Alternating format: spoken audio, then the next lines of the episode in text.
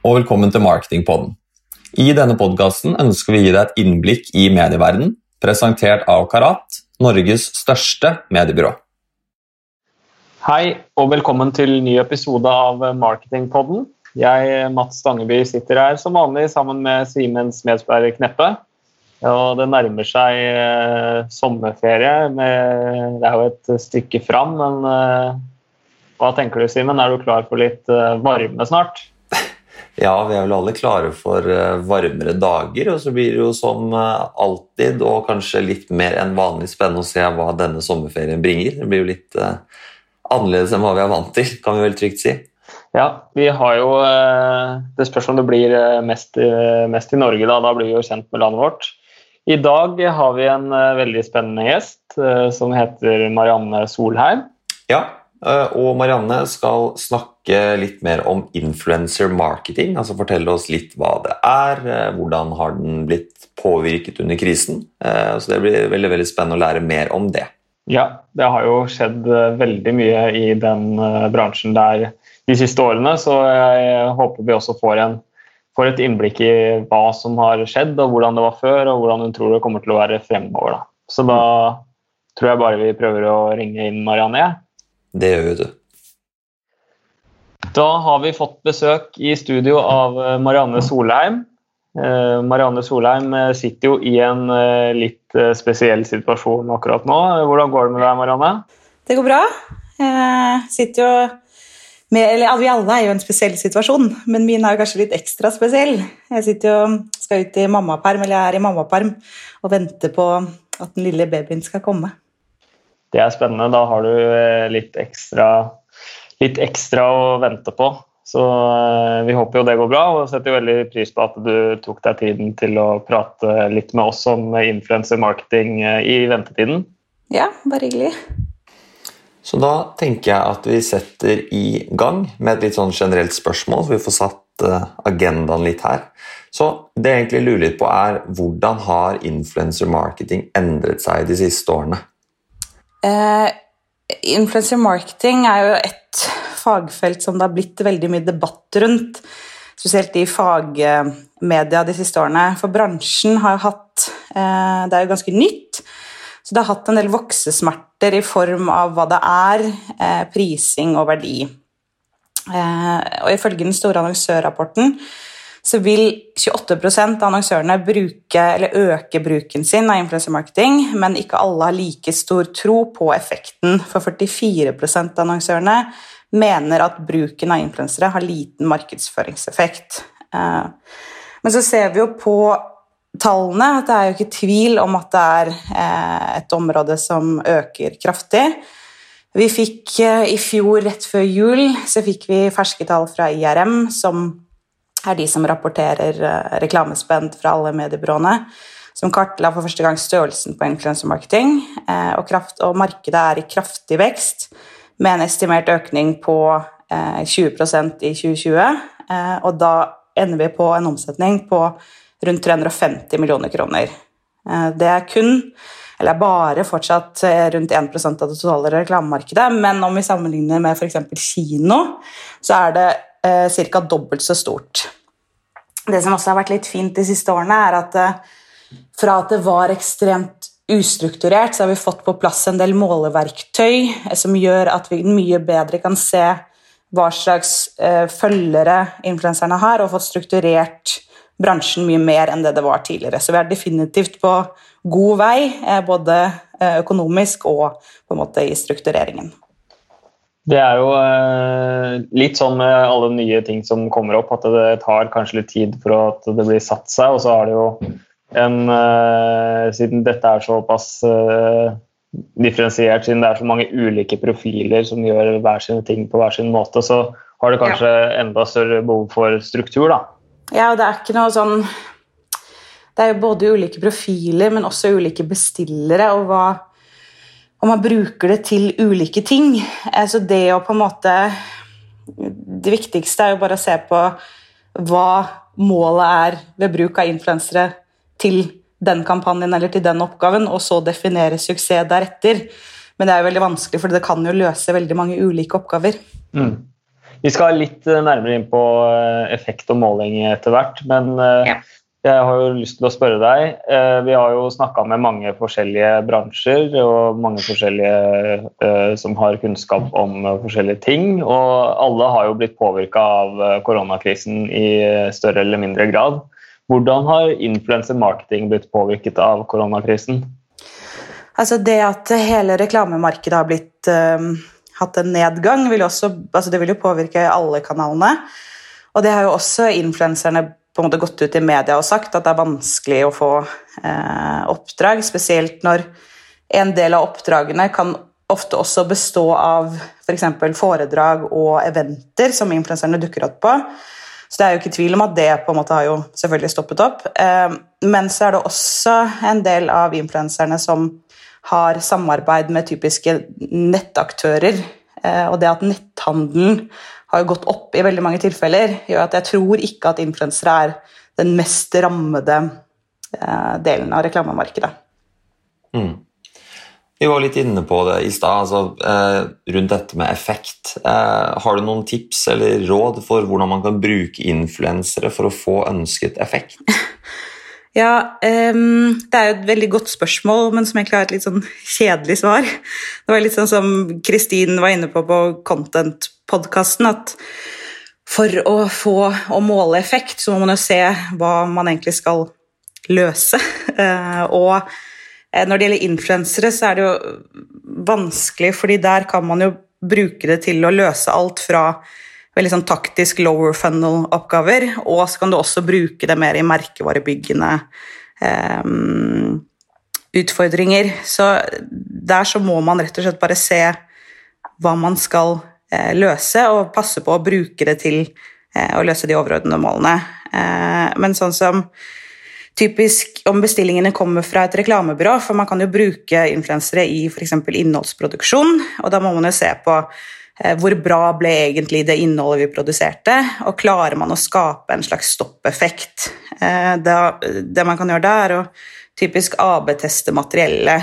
Eh, ser folk lenger på innholdet med influensere, eller vil Packshot ha samme type effekt?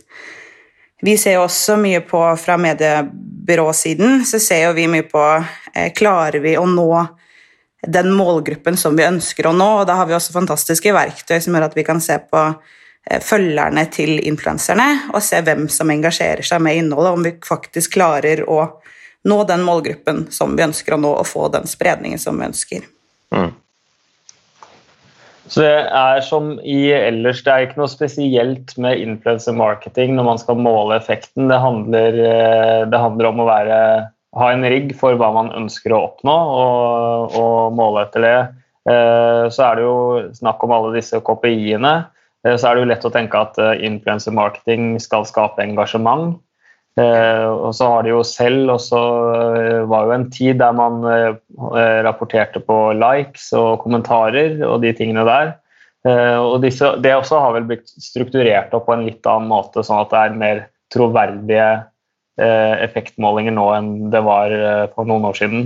Ja, det handler jo om at man må se kampanjen som en helhet. For det har jo ofte, altså influencer marketing er jo ofte én del eller ett virkemiddel for å forsterke en totalkampanje med et overordnet mål.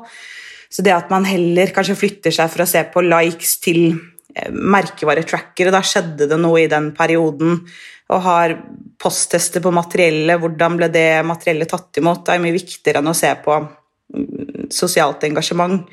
For det er jo typisk én type person som eh, klikker og liker veldig mye. Og det er veldig dumt å kun optimalisere eller se på de type personene. Mm. Jeg tenkte jo eh, Influencer marketing er jo en kanal som er ganske ny. Eh, og influensere er jo kanskje noe som liksom trigger enten negative eller positive følelser hos noen. Eh, hvordan har liksom den både bransjen utviklet seg rent sånn profesjonelt? altså typ omdømme til selve kanalen? Um, altså det er jo blitt profesjonalisert ved at det er mange byråer som driver med det. Så, og de fleste store influensere har jo profesjonelle agenter og er eh, også selv profesjonelle bedrifter. Eh, så, så, lenge man um, benytter seg av de profesjonelle aktørene, så eh, har det jo blitt mye mer strukturert de siste årene.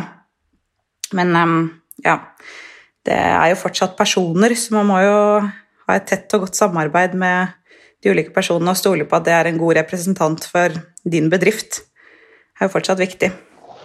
Syns du at eh, influenserne selv har blitt flinkere, enten at de har blitt uh, fortalt det av et byrå, eller at de har funnet ut av det på egen hånd? At de har blitt flinkere til å uh, skape en troverdighet med å holde seg for, til én merkevare, i hvert fall innenfor den samme sjangeren, sånn at du ikke reklamerer for Ikea på mandag og Bolia på tirsdag?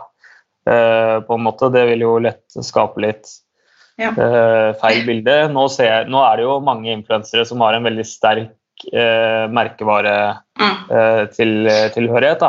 som, som, skapes bare med å holde ja. på den merkevaren og virkelig være der for de lenge.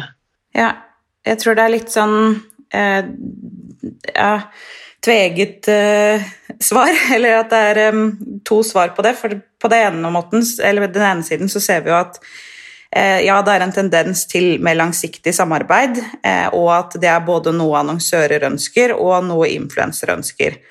Eh, fordi da har både man en mer troverdig stemme, og influenseren er mer forutsigbarhet og får en mye større del i å utforme også hva merkevaren skal være, gjennom f.eks.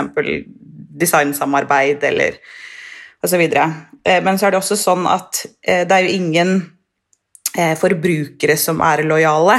Eh, så det at man i hjemmet har både Ikea-møbler og Bolia-møbler, er jo veldig naturlig.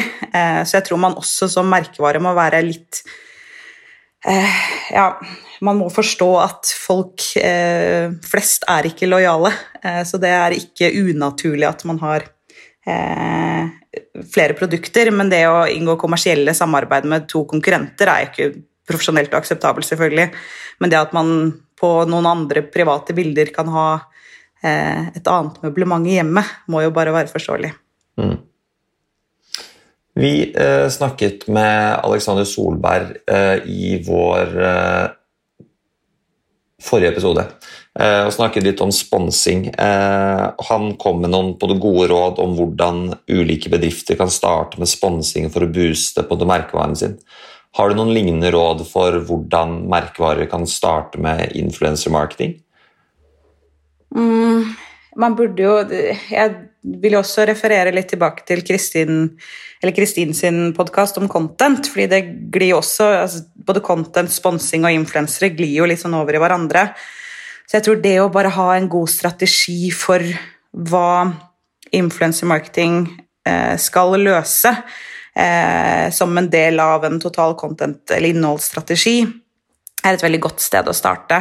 Um, og så trenger man ikke eh, Det er selvfølgelig viktig at profilen passer godt overens med de eh, verdiene som bedriften har, og gjerne se litt langsiktig på det, eh, og være klar over hvilken verdi det tilfører eh, til bedriften, er jo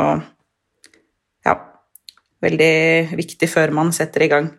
Men så kan man jo også ha Hvis man har et mer taktisk eh, tilnærming og strategi for bruk av influensermarketing, så må det jo ikke være eh, nødvendigvis like forankret i den overordnede mm, strategien. Da kan det jo være et mer salgsbudskap, der man promoterer produkter. Um, så det, ja.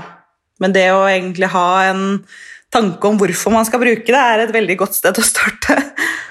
Ja, det høres, jo, det høres jo enkelt ut, og det høres jo veldig fornuftig ut, men uh, vi vet jo at det, det ikke alltid er tilfellet, så det er jo en veldig grei, uh, veldig grei tommelfingerregel å huske på. Da, ja. uh, jeg tenker at det var det vi rakk for denne gang, og så vil vi bare takke for tiden din, Marianne, og ønske deg lykke til med resten av ventetiden. Lykke til med fødsel, permisjon og alt som uh, fører med seg der. Ja, takk for det. Jeg gleder meg til å komme tilbake igjen i 2021 og se hvor uh, bransjen er da. det blir spennende. Ja. Ok, da takker vi for oss. Ha det godt. Ha det bra.